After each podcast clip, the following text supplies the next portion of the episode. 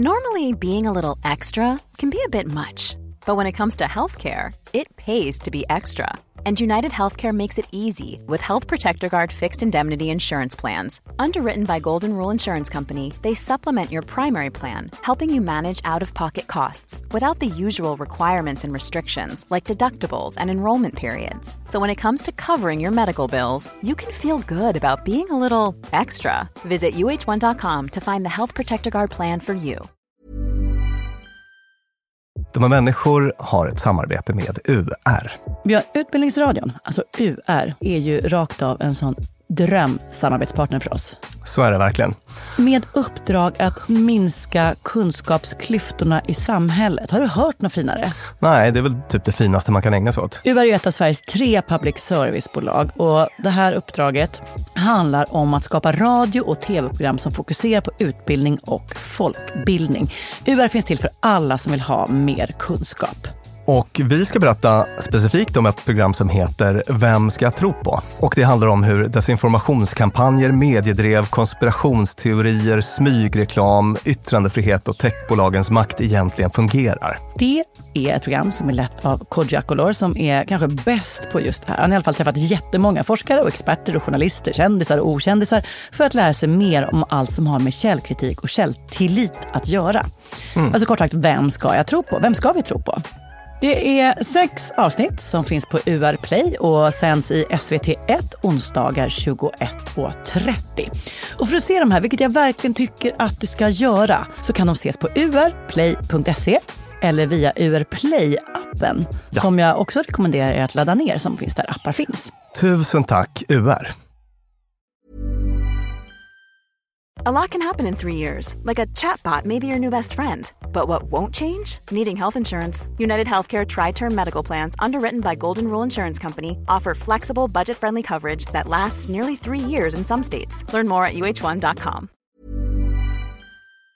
Du är på en middag, runt dig sitter fem personer. En riktigt pratig typ som sänder och sänder och sänder en berättelse om sitt jobb. En lite musslig typ och en frågvis jävel som har mycket att säga. Vem av de här är det du ska vända dig till egentligen för att inte bli av med all energi du har? Du lyssnar på Dumma människor med mig Lina Thomsgård och psykolog och författare Björn Hedensjö. Idag om energitjuvar och dränerande samtal. Jag var ju nyligen här på Bokmässan tillsammans med dig. Ja. Och då, jag funderade lite på de här olikheterna hos dig och mig ändå. Mm. Jag är mer introvert än vad du är. Mm, du har lite mer luleblod i dig kanske? Japp, japp. Mm. Så att för mig funkar det så att jag var nere på mässan i en timme, gick upp till rummet i en timme.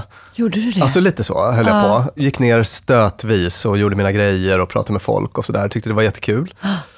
Sen behövde jag dra mig tillbaka lite. Uh. Och så är ju jag typ generellt sett. Men du är ju faktiskt inte det. Du, du är lite ovanlig på det sättet uh, tror jag. När, när jag behöver vila, det är för att jag behöver vila fötterna. Ja. Så det är inte att jag inte orkar med andra människor. För att jag nästan alltid tycker att det ger energi. Mm. Mm. Men det vi ska prata om idag är de där undantagen. För det vill jag hävda att även jag väldigt, väldigt många gånger och på tydliga vis har upplevt. Ja. Jag tror att bland våra lyssnare är det kanske fler som känner igen sig i mig än i dig. Uh. Alltså så här att man efter vissa sociala interaktioner vill man dra sig undan. Uh. Och, och det har också varit ingången i de här studierna som jag ska prata om idag. Att folk har fått den typen av frågor. Så här, efter vilken typ av sociala interaktioner behöver du vila lite? Uh. Behöver du vara själv? Gud jag insåg just en så fruktansvärd sak Björn. Ja, berätta. Om vi försöker vara lite logiska. Ja. De flesta människorna behöver vila och dräneras av samtal, förutom en människotyp som absolut inte behöver det. Vem då? Jo, den som blir piggare av samtal med andra, nämligen den som kyvar andras energi. Nämligen jag är energikylen. Var det därför du såg så bedrövad ut för ja. nyss? Jaha, nej men vet du vad? Helt rimlig matematik.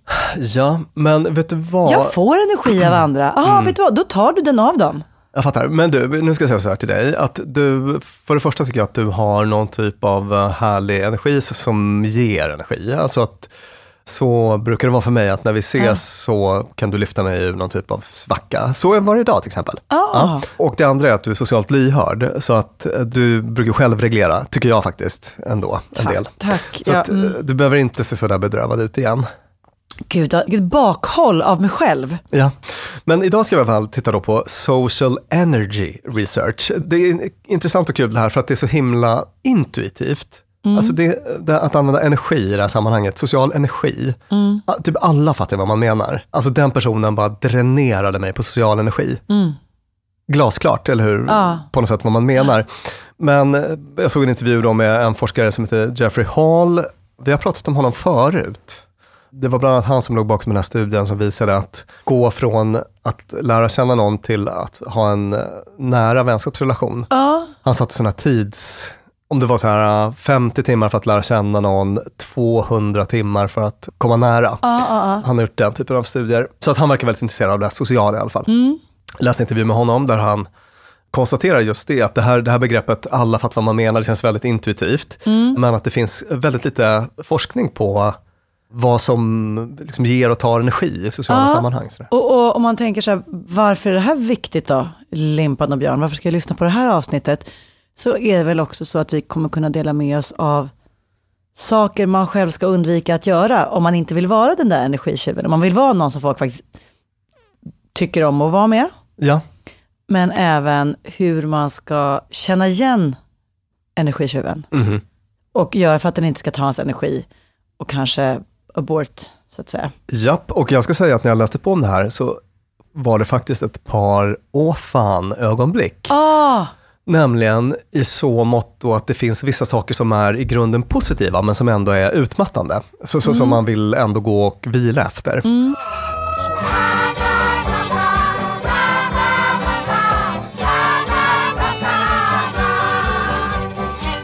Jag tänkte vi kan eh, bara recappa lite av sånt som vi redan har tagit upp i tidigare avsnitt när det gäller en, energitjuvskap. energi. Och eh, vi gjorde till exempel eh, ett avsnitt om vad som gör att man tycker att människor är tråkiga, minns du? Ja, och det var Mm. där vi gjorde det grova påhoppet på revisorer, som vi i säkert sju avsnitt därefter har behövt ändra, eftersom vi inte ens tyckte det själva. Ja, just det. Men någonting fick oss att i eten berätta att folk tyckte att revisorer var tråkiga. Ja.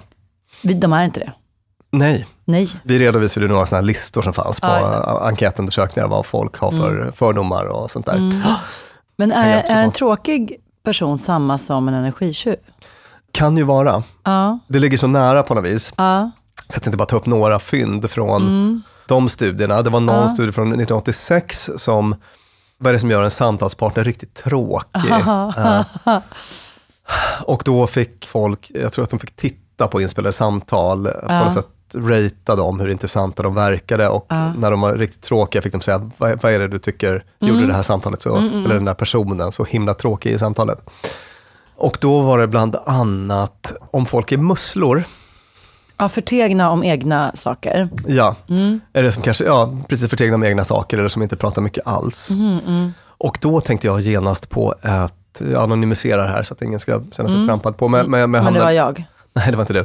Nej, det, det är ju en risk man aldrig löper med dig, att det ska bli... Alltså, eh, det var musselsituation vi ska prata om. Ja. Ja. det är inte jag. nej, men, men jag hamnade på en eh, middag med någon slags placering. Ja. Och då så var det så att jag satt med två personer och ingen av dem sa någonting. Åh herregud. Alltså ingenting. Jag fick ta vartenda verktyg ur lådan. Ja, och, tur att du har en jättebra, jätte, jätte, jättebra sån låda Björn. Och i synnerhet nu när du har skrivit boken Omtyckta människor som ju är den perfekta lådan för just det här. för just det här ja. Men även med alla de verktygen så Ja. kanske det var svårt. Alltså det, det gick väl att hålla igång någon typ av samtal, som ju då var att jag ställde öppna frågor till de här två egentligen. Då. Som ändå blev enstaviga svar. Och så blev det ändå typ enstadiga svar ja. Ja. Och, Två personer också, det är tungt Björn. yes, och jag fick liksom ingenting tillbaka. De frågade ingenting sinsemellan Nej, heller. Sådär. Så, att, så att det var verkligen jag som var motorn 100%. Och apropå dränerande så var ju Ja. det oerhört dränerande. Alltså, i, en timme klarade jag det och sen så um, var jag tvungen att uh, lätta faktiskt. Följdfråga då, Mm. som är väldigt, väldigt hypotetisk, eller sagt nästan teoretisk eftersom jag ju förstår själv varför det inte är möjligt. Men om du inte hade gett lika mycket, Ja. utan istället hade valt musselstrategin du också. Hade du haft mer energi efteråt då? Alltså Eh, var det som kostade dig alla de här försöken och är musslet i sådana fall? Det är en jättebra fråga. Jag tror faktiskt att jag hade blivit lite slut av det också, för, för det, det Ja. är en ansträngande situation. Jag kom på ett annat exempel nu. Ni vet ju hur vi killar har rykte om oss om att vara dåliga på att ställa frågor och sådär. Ja, ja, ja. Och jag tror att vi är på gruppnivå sämre på det, på en bröllopsmiddag och sånt där, Ja, på, en kanske. dejt, Mm. på en dejt. Det är vi. vi, vi Jag sa kanske bara för att vara snäll, men det är ni. jag bröstar det för, Ja. för oss, men det finns ju också tjejer som är jättedåliga på det här. Ja. Och jag hamnade på en bröllopsmiddag med en absolut liksom magnifikt ofrågvis människa. Ah. Så att jag intervjuade henne då i en timme, det blev som en intervju där jag bara ställde Ah, fråga efter ah, fråga efter fråga efter fråga. Och sen så tänkte jag så här, nu ska inte jag ta något mer socialt ansvar, vilket ju är, det, det, så, så tycker jag man ska göra ibland. Ja, Varför ska jag driva det här framåt? exakt. Ja. Du, du får fokusera på min potatisgratäng eller Ja. någon lite längre bort vid bordet. Exakt, så att då blev det så att jag fokuserade på min potatisgratäng och kanske andra människor Ja. runt om bordet och sådär. Vände mig aldrig igen under den här Nej, middagen. till, klar. Mm. eh, Jag var klar med henne, hade gett henne så många chanser så att säga. Men det blir ju också lite ansträngande. Man vill inte vara den personen. Man vill inte vara den personen och så sitter man med någon där man upplever att det är lite dålig stämning. Alltså jag känner att hon kanske blev lite sur på mig. Ja. Av oklar anledning då, men hon tyckte väl inte att jag uppvaktade min bordsdam tillräckligt eller Ja, just whatever. det, just det. Men att det blev lite dålig stämning där i vår, vårt lilla hörn. Och det är ju också dränerande, som svar på din fråga. Så att, Jo, att man också tänker mig att, att är man drillad att vara, ta ett visst socialt ansvar så är det, då är det liksom på värderingsnivå. Alltså man ska hålla igång ett bra snack med folk, man ska göra den ansträngningen. Och att då, jag är helt fine med att folk är blyga eller kanske till och med inte speciellt bra konversatörer, men jag har väldigt svårt att acceptera när jag själv blir tvingad att inte bli en sån. Ja, ja, ja. Att, att, då, då blir det självhat och det blir också jättejobbigt att handskas med. Att jag gick ifrån den här middagen, jag var liksom, till slut blev jag inte schysst. Nej. För jag orkade inte ställa fler frågor. Eller liksom, Nej, exakt. Och man blir ju också lite kränkt. Det är det. Alltså för att, eller man kan bli i alla fall. Jag tänker på den här middagen Mm. nu då, när- jag skulle hålla igång tre personer och ingen annan lyfte ett, ett finger för att ha, vi skulle ha ett fungerande samtal. Alltså man eh, känner sig ointressant. Varför är det ingen som vill fråga mig någonting? Finns det ingenting som är intressant för mig? exakt. Man försöker pegga upp på olika sätt. Man kanske berättar en liten anekdot och sådär, öppna för följdfrågor. Man får ingenting. Man känner sig gåpåig. Man känner sig... man känner sig för mycket. Man känner sig för mycket, alltså man, man, får, man får massa liksom, trista tankar om sig själv som gör att det känns väldigt olustigt bara. Mm. I händelse av att vi har lyssnare som är tystlåtna eller blyga och bara, åh nej, är jag alltid en energitjuv? Eller är det en sån som mig som Björn pratar om? Då vill jag bara säga, för egen del så har jag haft makalösa samtal med folk som är jätteblyga Ja. och jättetystlåtna. Mm. Det är liksom inte den faktorn det handlar om här. Nej. Alltså man kan vara fåordig och så, här, men man kan fortfarande vara intresserad. Man kan berätta saker liksom på ett inte lika målande sätt eller Nej, mer ett, ett, ett reserverat. lågmält och Ja. eh, med, med färre ord och sådär. Vi var ju på någon tillställning där jag efteråt var helt liksom, till i trasorna över en person som vi hade träffat som jag tyckte var så ljuvlig. Han kom från samma regioner som du. Det var så roligt att prata. Och så här. Han sa kanske fyra ord under hela kvällen. Ja. Men det var rätt ord. Och jag uppskattade det så mycket. Ja. En ljuvlig konversatör. Ja. Och säkert jätteblyg och besvärad av det mesta. Så, så det är liksom, tråkighet är absolut inte lika med tystlåtenhet eller blyghet. Nix, Nej. absolut inte. Och eh, andra saker som framkom i, i den gamla studien då, från 1986 som jag nämnde nyss. eh, Det forskarna kallade banalitet, och det vill säga det, det var att man fastnade i ett ämne. Drog samma skämt gång på gång. Att, att man liksom inte kommer vidare från snör in. Ja. Alltså den. Det finns ingenting som kostar mig mer än att stå med någon som säger, nu är man lite hungrig. Ska bli gott med lite mat. Ah, det är lite kallt tycker jag. Ja, alltså det där, När man inte kommer vidare det från det. vanligaste av vanliga prat. Mm. När allt det man säger har sagt 900 miljarder gånger. Mm. För min del, du får hellre berätta en, liksom, en fin vinkel på ett folkmord, eller bara vad fan som helst, som liksom, där det händer något. Ja. Oh, Det är den metoden som jag kallar skippa skriptet då, har jag nämnt tidigare i podden här med vilket Men- folkmord gillar du bäst? Ja just det, men själva poängen med det är att man kliver ur det där äh, lite dränerande manuset, som vi, Ja. sociala manuset som är så här, jaha, bor du i hyresrätt eller bostadsrätt? Jaha, hur många vet du vad, vet det, Två det eller tre, är eller? folkmordsfrågor. Det tycker jag är intressanta, roliga frågor versus gott är med vatten när man är törstig. Ja, Eller liksom, just det. Mm. där jag tycker att man ofta kan ha stått med folk ganska länge och kommit därifrån och bara, förlåt, vi pratar om vatten. Ingen Ja. vill prata om vatten. Varför gjorde vi det i 20 minuter? Och att sk- skippa skriptet övningen är där att då egentligen vara lite mer ofiltrerad och bara ta det man tänker på egentligen. Så här, ja, men vad tycker du om plastikkirurgi? Alltså man bara Ja, ja. blupp ut med det så, så blir det mer ös i samtalet. Det kan vara lite svårt, sådär, men, men det är en sån övningsuppgift som jag ibland ger till mina klienter. För att man ska bara komma loss lite socialt. Sådär. Och ofta funkar det bra. Och om det inte funkar bra så är personen mittemot förmodligen inte så kul to begin with. Så att säga. Så att banalitet och musslighet var två Mm, sådana grejer som de tog upp där. This is easily the most pointless conversation we've ever had. Då ska vi se Mm. vad Jeffrey Hall och kollegor har kommit fram till i sina sociala energistudier. Ja. Jeffrey Hall har till exempel då gjort två studier. I den första så tillfrågades massa personer om de fick tänka tillbaka på senaste två månadernas mest energidränerande sociala interaktion och beskriva den och så. Och vad de gjorde efteråt och, och sådana saker. Och i den andra studien så fick folk ha, alltså de gick runt med sina mobiler och så fick de sms och så fick de svara på frågor om de var i en social interaktion just nu och, och, och svara på lite frågor om den. Och utifrån de här två studierna då så drogs en rad slutsatser. Till exempel att en brist på connection, samhörighet, känsla av samhörighet med de man pratar, gör att man blir tröttare och Ah. behöver avsluta snabbare eller vila mer efteråt. Okej, intressant. Mm, tankar på det?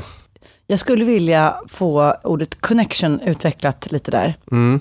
Jag råkar titta lite för mycket på den här, jag pratade om den tidigare i podden, Love is blind, en tv-serie där man pratar med varandra bakom väggar, så man ser inte varandra men man blir ändå kär, är, är tanken.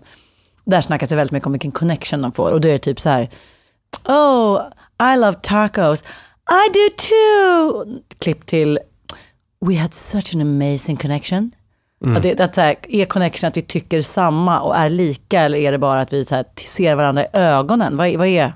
Jag tror att det kan vara både och. Okej, mm. Alltså, exakt, Eh, när man någon, liksom upplevd känsla av samhörighet eller att vi har mycket att prata om, vi är lika varann eller Ja. så. eh, gemensamma intressen. För det, här, Ja. det här rimmar ju väldigt mycket med vad vi har lyft tidigare, här, vad man ska göra för till exempel att bli omtyckt eller få förtroende eller upplevas som karismatisk. Att hitta Ja. det där gemensamma. Betona likheterna. Betona likheten. Mm. Att så här, här står vi båda två och fryser. Eller liksom vad, vad det nu är man liksom, Ja. det, det går alltid att hitta något. Det går att hitta och något. hittar man det så kanske det skapar en sån connection som gör att det blir lite, Precis, Eh, det är ett sånt mega-hack verkligen. För vi, um, sån grej som jag brukar ta upp, att vi väldigt ofta fokuserade på olikheter eller fastnar i det. det. Men Alice, hon är 14, tjej, Mm. hon tycker om cheerleading. Vad ska vi prata om? Alltså Mm, att jag har sånt fokus på, det är Ja. allt som skiljer oss åt. Men som jag brukar säga, Mm. lite käckt, att det finns mycket mer som förenar oss människor än som skiljer oss åt. Och det är en grej som jag också brukar tänka på i terapirummet, att shit alltså, vi människor, gud vad vi har mycket som förenar ändå. Vi har ju spelat in flera hundra avsnitt om just gulliga dumheter som förenar oss bland annat. Ja, verkligen. Så att jag, Björn, bit över 40, ganska bra bit över 40. Eh, Nosa Ja. på 50, det gör vi båda snart. Shh. Och kille, tycker att andra världskriget är kul. Mm. Och så har vi Alice där då. Men vi kan absolut hitta något. Ah. Vi har båda gått i, hon går i högstadiet, jag har gått i högstadiet. Mm. Vi delar vädret. Vi kanske tycker om att resa. Och den här magiska grejen, humor, Ah. som inte ens behöver ha att göra med vad man gillar att göra eller hobbys eller sådär, utan att man bara, det Ja. här, he, Just. he, he, och så blir det kul. Ja, Så att, liksom att bara ställa in sin radar på den frekvensen, på det som förenar, Ja, snarare än det ja. som lätt i teorin, kanske svårare i praktiken, möjligen, men det är en otrolig grej, sådär, att bara betona likhet, försöka hitta det gemensamma. Sådär. Eh, Motsatsen till det är ju också en sån, mina absolut värsta saker i konversationer. När man berättar någonting som inte är så här, nu ska du få höra det sjukaste någonsin, utan man bara, man bara berättar en liten anekdot. Mm. Kanske, ja jag har just gjort det här. Och så tittar folk på en, så som, det brukar vara en generationsfråga, eller ganska ofta kan det vara det. Att så här, någons förälder så här, som tittar på lite så här, ja, där man tydligt markerar att det du just berättade var väldigt världs, väldigt främmande för Mm. mig och jättekonstigt. Och att känna sig avfärdad Ja. för att ens verklighet, det, det tycker jag jätteilla om. Ja, ext- extremt uh, olikable grej ja, det att är göra. verkligen. Mm. Ja, och det jag tänker jag att man säkert ofta gör bara för att man är nervös eller att man kanske, sådär, men, men att, ja? Ja, oj! Ja, exakt. Ja, den. Gud, jag blir typ illa berörd bara av att se dig göra så. Du har Ja. aldrig gjort så med mig, men gud vad, vad den är. Ja. Att man bara säger så här, det, det är så här, det är ett verkligen, där man tar avstånd. Ja, Det och, du och, det, och det är ju en riktig konversationsdödare. Connection-dödare också. Det är en connection ja. av rang, för att då har man tagit en social risk och så blir man bara nedskjuten. Sådär. Då har man ingen lust att berätta någon mer anekdot eller ens fortsätta samtalet Nej. faktiskt. Verkligen. Så att personer som vi känner någon typ av samhörighet med, Ja. mycket mindre uttröttande, Ja. makes sense. Ja, alltså, och det, det här, man har ju umgåtts med folk som man är så samkörda med i nio dygn i sträck. Ja, Behöver absolut inte vila från den. nej. Kan fortsätta. Och jag kommer att tänka på ett särskilt sammanhang som jag kan känna igen det här ifrån Mm. och också alltså från egna upplevelser och andras berättelser. Att, men om det är något sammanhang där man känner att man måste liksom förställa sig väldigt mycket. Alltså någon typ av formell, jag har ju varit, nu får jag ju känslan att, är det Nobel, Nobelprismiddagen? Kommer den upp nu igen? att, att, att ödmjukt skryta om min, eller det, det, det är bara skryt kanske, om att jag har varit på Nobelmiddagen två gånger då.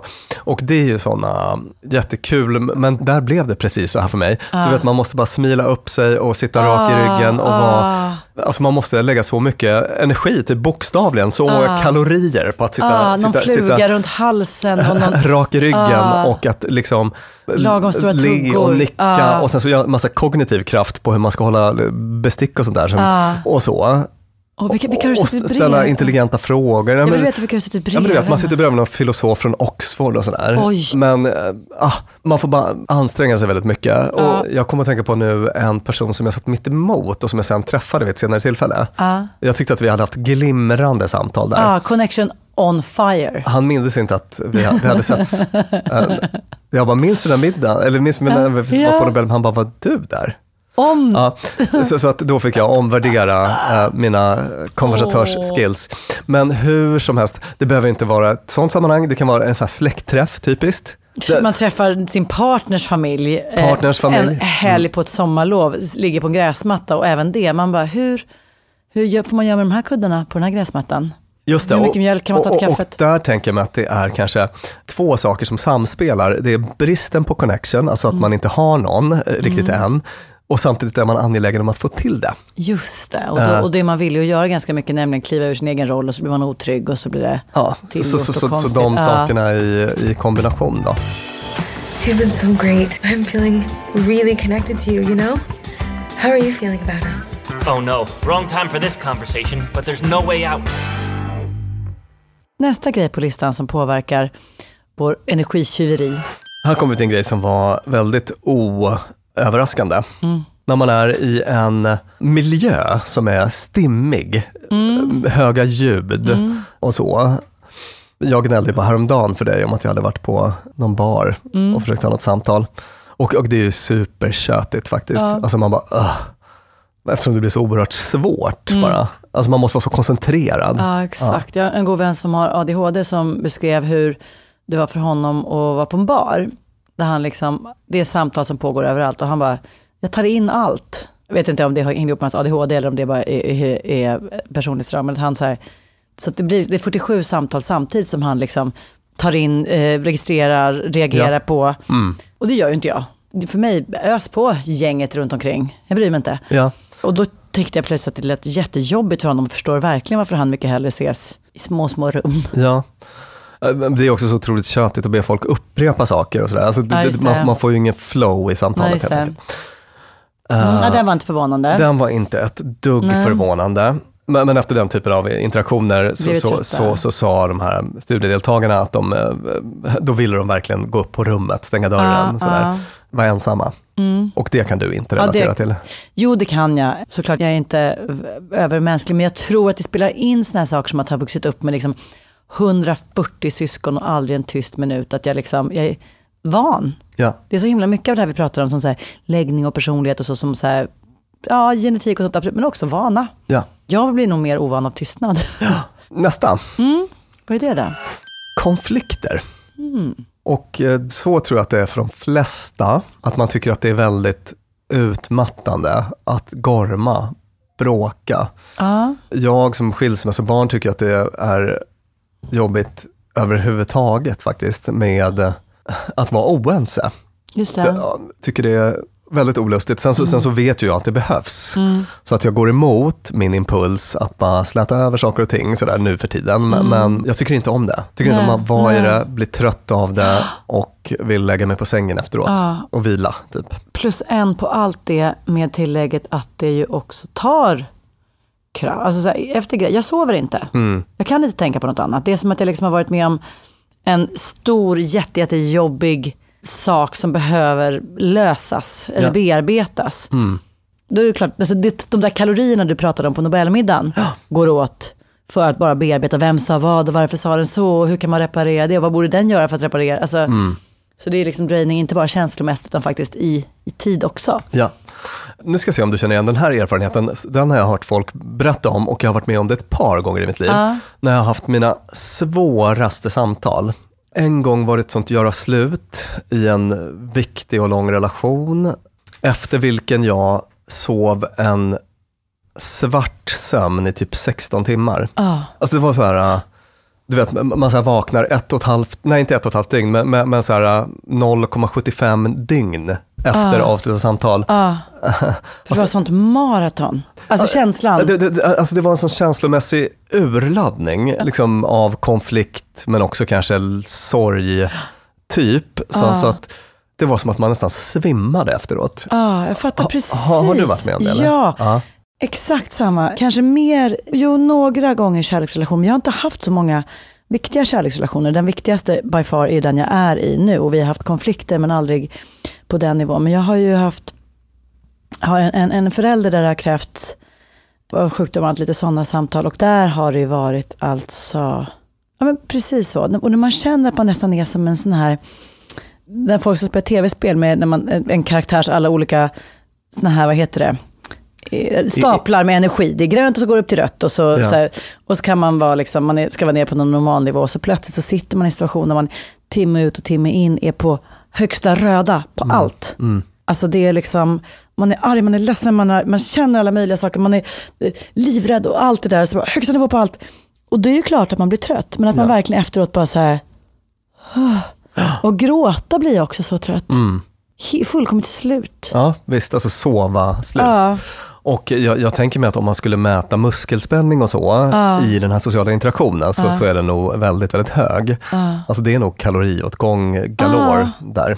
Det är ett jättefint bantningstips från oss på Dumma människor till er. Försätt er i riktigt såriga relationer till föräldrar och kärlek. Ja, nej men, en till sak som jag vet tar mycket energi, det kanske inte passar in men jag vill bara säga det, det här med att vara i onåd. Känslan av att man på ett diffust sätt är i onåd. Ja, ja. Är någon där besviken på mig?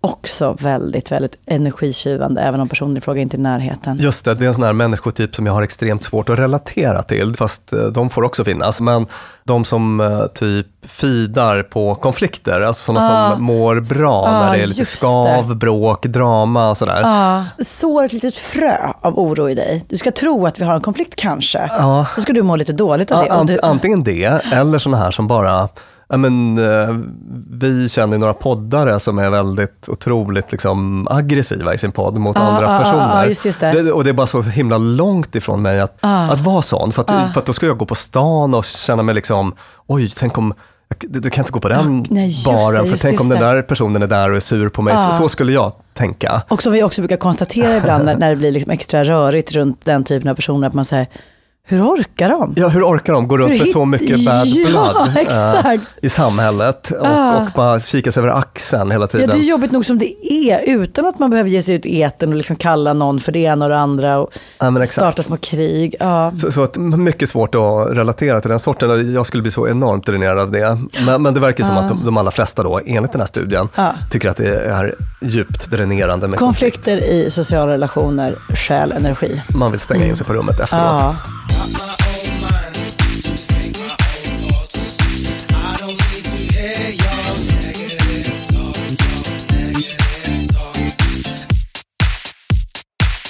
Nästa punkt, blev Mm. inte heller trilla av stolen förvånad. Klagande Mm. hos motparten. ja, och det vet ju vi också Björn efter att vi spelade in ett väldigt bra, jag tyckte det blev bra det här om smittsamma depressioner, ganska ny, bara några veckor sedan.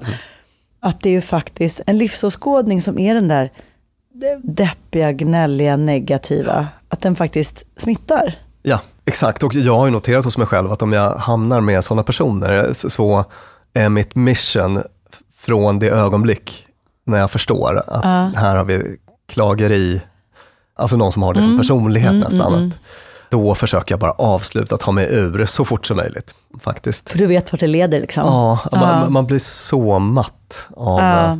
Och vi pratar inte om den här eh, liksom, normala sårbarheten, att jag berättar om en Ja. jobbig tankekänsla sådär, som jag har för dig eller så, utan, som man gör i vänskapsrelationer, utan det här mer att, att när man, alltså kanske personer som har det som sitt sätt att connecta med andra. Jag, jag snackar skit om kollegorna, Ja, med, ja. det är så jag bondar med arbetskompisar, att jag snackar skit om andra på jobbet eller eh, arbetsgivaren, eller att man har den där eh, liksom, negativa grund...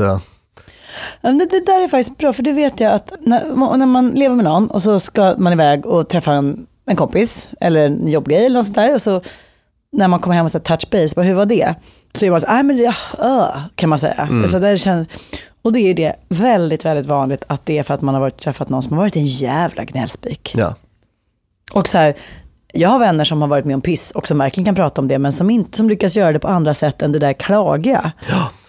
Och vad, vad kan det vara för andra sätt? Jo, ett kan ju vara att man eh, Humor, självdistans, humor, se sin självdistans, egen roll i saker och ting. se sin egen roll i saker och ting och sen så också kanske att man, man visar att man äger problemet. Så här, "Ja, Det här är eländigt, men nu ska jag försöka göra det här så att det blir annorlunda. Alltså att man är lite lösningsorienterad. Att, Skräp med det där, men jag ska testa den här lösningen och se om jag får till det. Så där. Då, då kan man ta emot rätt mycket. Så. Det jag ska säga härnäst var faktiskt inte med på listan, men om man inverterar det och tänker någon som är så här, äh, för ett sånt samtal hade jag för ett tag sedan också och kände att det här var, det var kanske inte dränerande, men det blev väldigt trist. Eh, någon som är helt perfekt. Allt toppen. Allt är toppen. Nej, men det här, är så bra. Har det så bra med min kille. Alltså vi är så kära. Ja, men nej, det finns inget problem. Nej då, nej, men vi har nog aldrig haft något problem. Alltså det var ett samtal av den Gud, typen. jag hade en så rolig vän som råkade avslöja sig, precis, precis det temat. Hon skulle berätta om ett par som var så otroligt perfekta. Du vet, de är så lyckade och vackra och jätteduktiga och tjänar jättebra pengar. De är, jättebra, de är nästan precis som mig och Fredrik. Och man bara, nästan precis som mig och va? Att det liksom är väldigt avslöjande av självbilden. Att allting är så perfekt, vi är så fina, så vackra, så rika, så bra. Exakt, och det, som- det som uppstår då är att Mm. då kan man inte relatera. Alltså då, ja, det, det, då blir det ingen connection helt enkelt. Nej. Eh, För då kommer det här kännas som en pappfigur som inte pratar sanning. Och vet du vad sådana personer har en tendens att göra också? Nej. När man med dem visar sårbarhet. Så, "Åh, den här grejen gick inte. Då, då kan det ofta bli så här, jaha, va? Oj, din värld med misslyckanden, den, det känner jag inte igen mig i alls. Jaha, oj, Ja. hur var det? Jätteointressant. Verkligen. Det är varför jag älskar människor som är lite kantstötta och tuggade och liksom har varit med om det ena med det andra. De kommer inte rynka på näsan eller rygga tillbaka av vad som än kan hända i ens liv. Yes. De står pall. Vi hoppar vidare. Ja, det här är Eh, på listan. venting, att, att själv ventilera kan också vara utmattande. Såklart. Mm. Alltså att ma- man berättar något riktigt svårt. Nu ska jag sitta och berätta om mitt uppbrott för dig Lina på det här fikat i 45 minuter. Att även om det är skönt och du tar emot det bra och så, så, så blir man ju trött av att vara i den starka känslan. Just det, man får liksom kontakt med, med om det nu är sorg eller... Ja. Just det, och då behöver man gå och vila sen. Just det. Och jag var inne på det här att det, det behöver inte bara vara dåliga saker så, som gör oss lite utmattade i sociala sammanhang, utan det kan också vara sånt som är bra eller fint. Ja. Jag kommer komma tillbaka till sådana exempel senare. Eh, För mycket jobb eller skolprat Ja. var en sån grej som framkommer i de här studierna. Att om det blir för eh, mycket av det så blir det lite dränerande. Det där går lätt att göra någonting åt. Jag har en vän som hatar sånt. Hon, hon hatar när de pratar om jobbet. Och det är jätteetablerat. Det har hon liksom sagt jättetydligt. Att så här, inget jobbsnack bara, för det är så tråkigt, tycker jag. På principiell, generell nivå. Vilket gör att hon alltid kan åberopa det så fort man hamnar i samtal där vem som helst, man kan ju verkligen snöa in på så här, och sen det här, och då när vi skulle spela in det fjärde avsnittet, jag vet du vad, då hade jag glömt ta med mig, och att då bara, ah, det börjar stinka jobbprat här. Det gör vi ju inte här. Att det liksom, om man etablerar det i ett vänskapsgäng som, som en princip, här pratar vi inte jobb, då är det lite enklare att styra undan. Och så kan man göra undantag när det väl är kul ändå. Ja, det jag tänker där är att man, man får väl ändå, jag menar, jobbet är en så otroligt viktig del av identitet och också av ens kalender. Alltså man, Vi tillbringar ju mycket tid på jobbet och i jobbet och, och, och för många är det så himla viktigt så att det får man väl också ta hänsyn till om, om man vill vara en bra samtalspartner. Att Lina kanske vill, det kanske är viktigt för dig, att eh, förmodligen är det det, saker som händer dig i ditt yrkesliv. Och då kan det ju bli lite begränsande om jag säger att du inte får prata om det. Ja, det här var mer bara ett sätt att om man vill ta sig ur det besvärliga i att behöva säga nej eller protestera mot någonting specifikt i en situation, så kan det vara bra att redan tidigare etablera det på en principiell nivå. Ja. Så att jag är inte emot, Björn, att du berättar om din senaste da- arbetsdag. Nej. Jag är på den principiella nivån emot. Det, det är bara ett sånt knep. Jag älskar jobbprat. Det finns ingenting jag pratar mer med mina vänner om än jobb. Nej. Och jag, alltså alla deras kollegor, alltid, det är så här roliga figurer i en tv-serie för Ja, mig. Jag, ja. Det hellre det än väldigt mycket annat. Jag tänker mig att när det är dränerande Mm. så, så, så kan det nog vara så att man eh, lite som med drömmar. Varför är det trist att lyssna på drömmar? Mm. Ah. Jo, därför att det är bara meningsbärande för personen som Ah. berättar. Alltså det kanske var en enormt stark och, och meningsfull upplevelse, den här drömmen för personen. Men för alla andra så är det liksom inte det. Ah. Ja, det. Alltså man behöver vara den människan. Och kanske att det kan vara så lite med jobb, alltså om man blir väldigt teknisk eller Ja, ja. att det här är egentligen bara intressant för mig och mina kollegor. Det, det är inte intressant för någon annan. Så att det är väl den fällan då tror jag som, som man kanske trampar i ibland. Verkligen. Och nästa punkt på listan då, över vilka sociala interaktioner, vilka ingredienser som är extra draining. Det här var en riktig åfan tyckte jag. Och det är att meningsfulla samtal var dränerande för många. Och det jag tänker med det är att ja, men, eh, vissa av de mest meningsfulla praten man har haft är också kanske några av de mest känslomässigt starka praten man har haft. Ja. Det är tårar, det är liksom starka känslor av sorg och så vidare. Djupt meningsfullt men också dränerande. Och eh, i det här meningsfulla är man ju också väldigt närvarande kanske. Just det, att just man det. Mm. liksom är oerhört koncentrerad och så. Så att eh, det går att få ihop för mig. Ja, eh, absolut. jag hajade till när jag läste det. Vi fick en fin fredagsfråga av Ida Schus i somras tror jag det var. Ja. Poddaren bland annat. Och då så pratade hon just varför man tycker så mycket om de meningsfulla samtalen. För det gör man ju. Ja. Men man kan väl säga att, att, att det bär mening betyder ju också att det är betydelsefullt. Ja. Och det betyder hög kvalitet, hög densitet. Densitet, Eh, bra ord. Det var det jag Och då, då Ja. blir såklart, det är en mer mättande måltid. Ja, Liksom. och det här känner du igen när man har så här suttit med någon kompis, man har kanske pratat om något väldigt stort, väldigt viktigt och så, så bara, vad fan, ska vi bara, ska vi gå och ta en bärs? Och, och, och sen så bara börjar man prata om något, och tro, man börjar prata om, om liksom jeans, eller Ja, om, ja, ja, exakt, exakt. eller om uh, ragu, eller om något otroligt världsligt. Och det är så himla skönt Ja. att bara lämna det där som är lite stort Ja, men det är som man, då har man liksom ätit fullkorn. Alltså Ja. det, man äter allt det och sen så bara, oh, gud, nu behöver jag tomma kalorier. yes. Nu är liksom Netflix och dumstirra in i någonting. Ja. Shut up, will you? Oh, shut up yourself. Sick and tired of hearing about your moans and groans. Det var de viktiga från hans två studier då. Jag tänkte att jag ska lägga till en lista som för mig är väldigt tydliga, dränerande konversationsstilar hos motparten. Gud vad roligt. Inga frågor, den har vi redan nämnt. För många frågor kan ju också vara Ja, det var det, precis. Skjutjärnsvarianten. skjutjärnsvarianten. Jag stötte på den på bokmässan, i och för sig med en otroligt älskvärd person, men det var liksom en kulspruta av eh, frågor. Och då liksom försökte efter ett tag bolla över, men du då, hur har... Och eh, det ville den personen inte riktigt ta det betet, så att säga, utan gick tillbaka till någon fråge, ett frågebatteri och kul, men jag kände också att det var alldeles lagom att prata i åtta minuter med den människan. Men alltså Björn, där undrar jag om du med din bok Omtyckta människor och när vi har eh, fått åka runt och prata, om vi håller på att skapa ett litet monster här. vi har ju tryckt så jävla mycket på den magiska följdfrågan. Ja. På scener, i bok, i podden, gjort helt avsnitt om det, hur viktigt det är att ställa följdfrågor. Och samma dag som vi hade på bokmässan suttit och pratat om det här, så dök det upp en person som bara, vad har ni gjort idag? Det här. Vad gjorde ni det? Varför då? Hur då? Med vilka då? Vad hade du på dig då? Alltså, där, alltså, jag, jag känner mig så upptryckt mot väggen att... Ja. Och du vet, när jag, jag hittar inte ut ur detta dubbelrep du just nu vevar runt mig. Ja, Ah, vilken fin metafor. Ja, så stressande. Man behöver liksom. Och då tänkte jag att någon gång måste jag och Björn kliva tillbaka in i, i avsnitt om följdfrågor och kanske in i boken. Du tar upp det i boken, Ja, jag vet jag. boken, Du tar upp det i viktigt det är boken. Men alltså, den där turtagning. Mm. musikaliteten och att man faktiskt lite smakar på det som blev sagt också. Ja, ja visst. visst. Aha, landställe, vad skönt. Eller hur? Alltså, och inte bara liksom... Ja, precis. Ett för aggressivt frågande kan ju också, alltså det kan ju också tolkas som nästan ointresse. Ja, Mm, ja. Att man inte stannar upp i ett av svaren och liksom utforskar det lite mer. Och så. Men annars, jag slår ett slag för turtagning, hur viktigt Ja, det är. exakt. Alltså att man, I boken skriver jag att om man siktar på 60-40 till den andres fördel i taltid och sådär, så brukar man hamna ganska rätt. Typ. Just det. Men en till sak är det här, det här med nyfikenhet. För att det brukar man också alltid prata om, så ljuvligt när människor är nyfikna och så vidare. Men det kan man också vara lite för mycket. Ja. Alltså där, där en person inte riktigt vet var gränserna går och, och där de där följdfrågorna är så här, bara, ah, vad jobbig dag på jobbet, så, ah, varför det?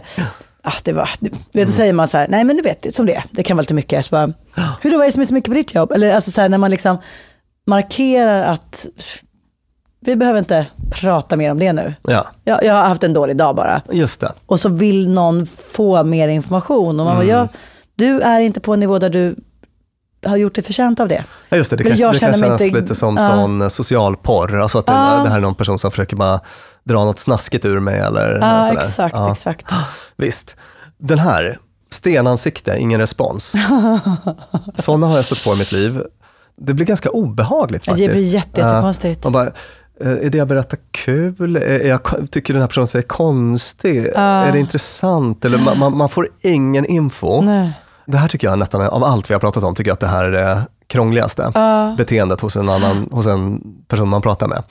När man inte får alltså, någon icke-verbal eller verbal signal om det man säger är intressant, kul, okej, bra, Ja, just, dåligt. just, det. alltså. Vill ha mer, vill ha mindre. Ska, ja, exakt. Ja, så den rekommenderas inte, att man ska Nej. vara stenansikte då.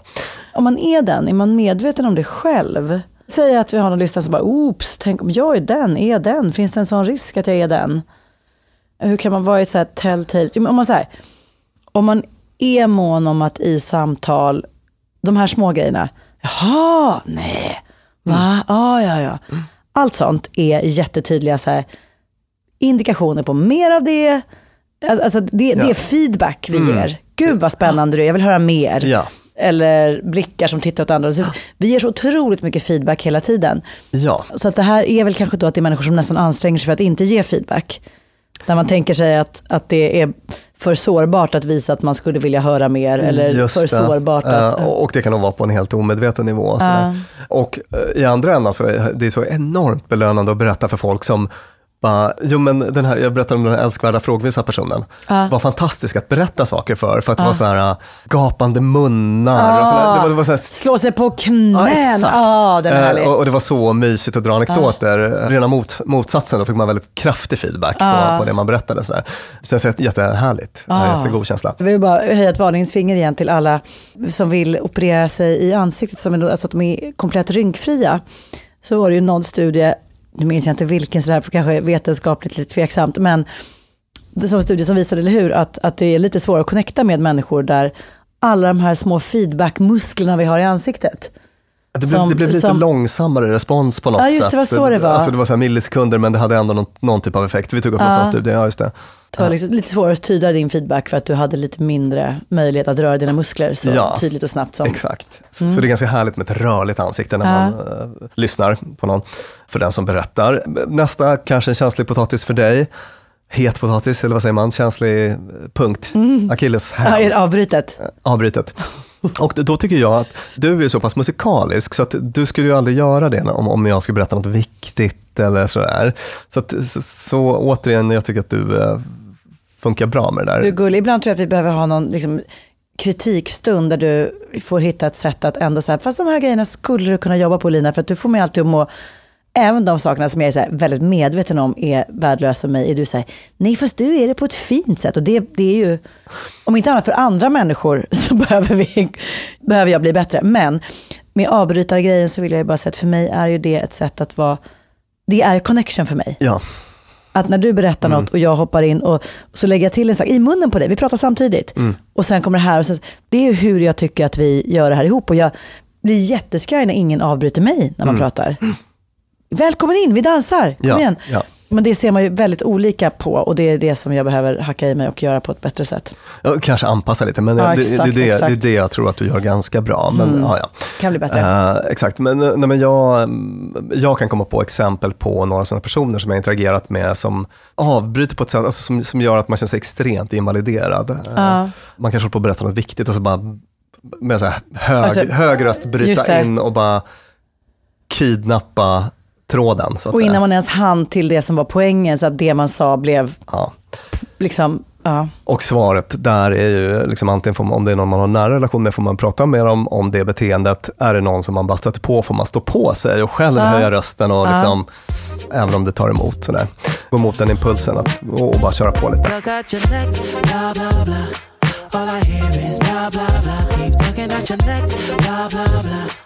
All I hear is blah blah blah. Say, look at your neck. Det var väl mina huvudsakliga, precis. Eh, Jag tror det är inget som vi inte har nämnt redan, det här med att man får försöka att inte vara likadan med alla. Att man behöver vara lite inkännande. Det här gör ju många naturligt, men vi har ju pratat om kameleonteffekten, jag nämner den i min bok också, att man anpassar sig efter personen man sitter med. Så att om den personen pratar lite lågt och med förtrolig röst så kan man närma sig det. Det. Även om man kanske själv har ett mycket, man pratar högre och sådär. Så alltså man, att man försöker möta den andra personen lite grann. Det. Eh, det, I det så uppstår ju en eh, känsla av samhörighet också. Jag har ett exempel som jag tycker är jätte, jätte draining.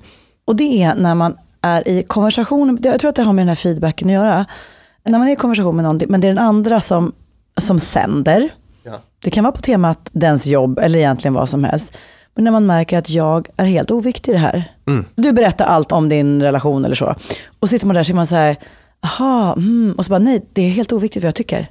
Ja, du, du bara sänder. Det är flaskpost som är på väg ut här. Och det tycker jag, det märker man ibland. Om någon berättar sådär och så försöker man spegla lite. Ja. Så, aha, okej, så att så här, men sånt där kan vara jobbigt när det är, man har lovat att äta middag. Så bara, ja, men i alla fall. Ah, ja, visst, visst, Alltså, alltså ja. bara, bara så här, ditt lilla inspel, det var inte det relevanta, utan nu åter till min sändning. Just det. Och, att känna att man, lys- man lyssnar på någons... Samtal med narcissisten. Det, Ja. det, det är ju ofta så. Eh, och att det- man- man är bara rekvisita. Ja, och då är man ofta, tycker jag, då är man rekvisit. Då kan det vara berättelser, där någon känner sig orättvist behandlad på jobbet och behöver bearbeta det själv. Men tror att de behöver en- alltså någon annan. Men egentligen så behöver de bara gå igenom det själv i huvudet. Och så är man bara rakt av rekvisita i det där. Så att ens eget så här, ah, fast tror du att... Det är, inte- det är, så här, nej, nej, åter, åter till min version.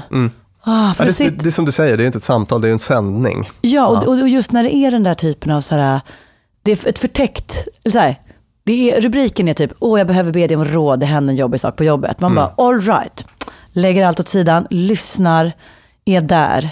Alltså har den här meningsfulla samtal, investeringen i det. Men upptäcker att, nej jag är ju inte, för det, det tänker jag är, det är så himla, människor som får en att känna sig bra i ett samtal är ju sådana som visar att, gud, det du sa nu, ja, precis så. Tack, gud, det hade inte jag tänkt på. Alltså så här, där man i en dialog validerar Ja. den andras inspel. Och inte bara, nu avbröt du min sändning eller nu ska jag avbryta din sändning, utan liksom så. Så det om detta. Ja, det om detta. Vet du vad? Det här var sannoliken inte ett draining avsnitt. Nu är jag... Vad konstigt, jag bara kom på ordet på engelska, för det är ett ganska komplicerat ord. Invigorated känner jag mig. Gör du? Ja, Själv ska jag stänga in mig på rummet. Lägga mig på sängen i totalt mörker. Åh, det är där vi är olika, älskade Björn. Men på tal om hur odränerande det är att prata med dig, Ja. Så gör ju vi det en del live nu för tiden. Det här har varit världens roligaste höst. Vi har fått åka land och rike runt och liveshowa, livepodda, föreläsa, stå på scenen och dela med oss av vetenskapens bästa klokskaper på ett sätt som blir himla kul. Ja. Och då vill vi bara meddela alla er där ute som är på en arbetsplats och letar efter ett perfekt sätt för dig och kollegorna att fira ett lyckat arbetsår. Kanske sitter er HR-chef eller er marknadschef eller er chefchef där och bara, men herregud vad ska jag hitta på för, för min fantastiska stab? Jo, det finns någonting som heter motivationsdagen. Ja. Och där ska du och jag prata Björn, både i Stockholm, i Göteborg och i Malmö. Och det är ju inte bara vi som ska göra det. Nej, det är en ot- Det är- otrolig line-up. Ja. Vi har Anders Lundin, Henrik Schyffert, Fredrik Lindström, Fredrik Skavlan, Emma Hamberg. För att bara nämna några. Vi har också din psykologkollega, Anna Bennick. Ja. Och att gå på motivationsdagen kan liksom ses som jobb, men det är inte jobbigt. För tvärtom så är det världens chans att få hitta på något kul och givande ihop med hela företaget, hela avdelningen eller arbetsgruppen. Så det blir liksom som en just perfekt avslutning på ett lyckat arbetsår. Och det är en hel dag där man får luta sig tillbaka och bli serverad en massa roliga, kloka insikter och smittande skratt. Och där vet jag Björn att åtminstone vår del av det kommer bli väldigt, väldigt rolig. Ja. Och det vi kan locka med är en väldigt god rabatt, eller hur Lina? Ja, 500 kronor rabatt per biljett blir det för den som när man bokar använder koden DUMMA. Så att skicka länken motivationsdagen.se tillsammans med koden DUMMA till chefen som sitter på liksom, personalbudgeten, som sitter på pengen för kul och säg det här vill vi gå på. För då får ni 500 kronor rabatt per biljett. Och det är dessutom så att det blir ytterligare rabatt om man beställer fler biljetter än fem. Mm. Och så ses vi i Göteborg fredag den 24 november, i Malmö torsdag den 30 november eller i Stockholm fredag den 8 december. Kolla in mer på motivationsdagen.se och glöm inte rabattkoden DUMMA.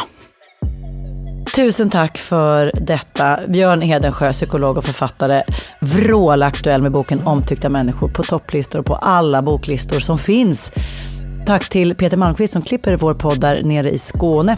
Och tack till Acast där vi spelar in. Hej då!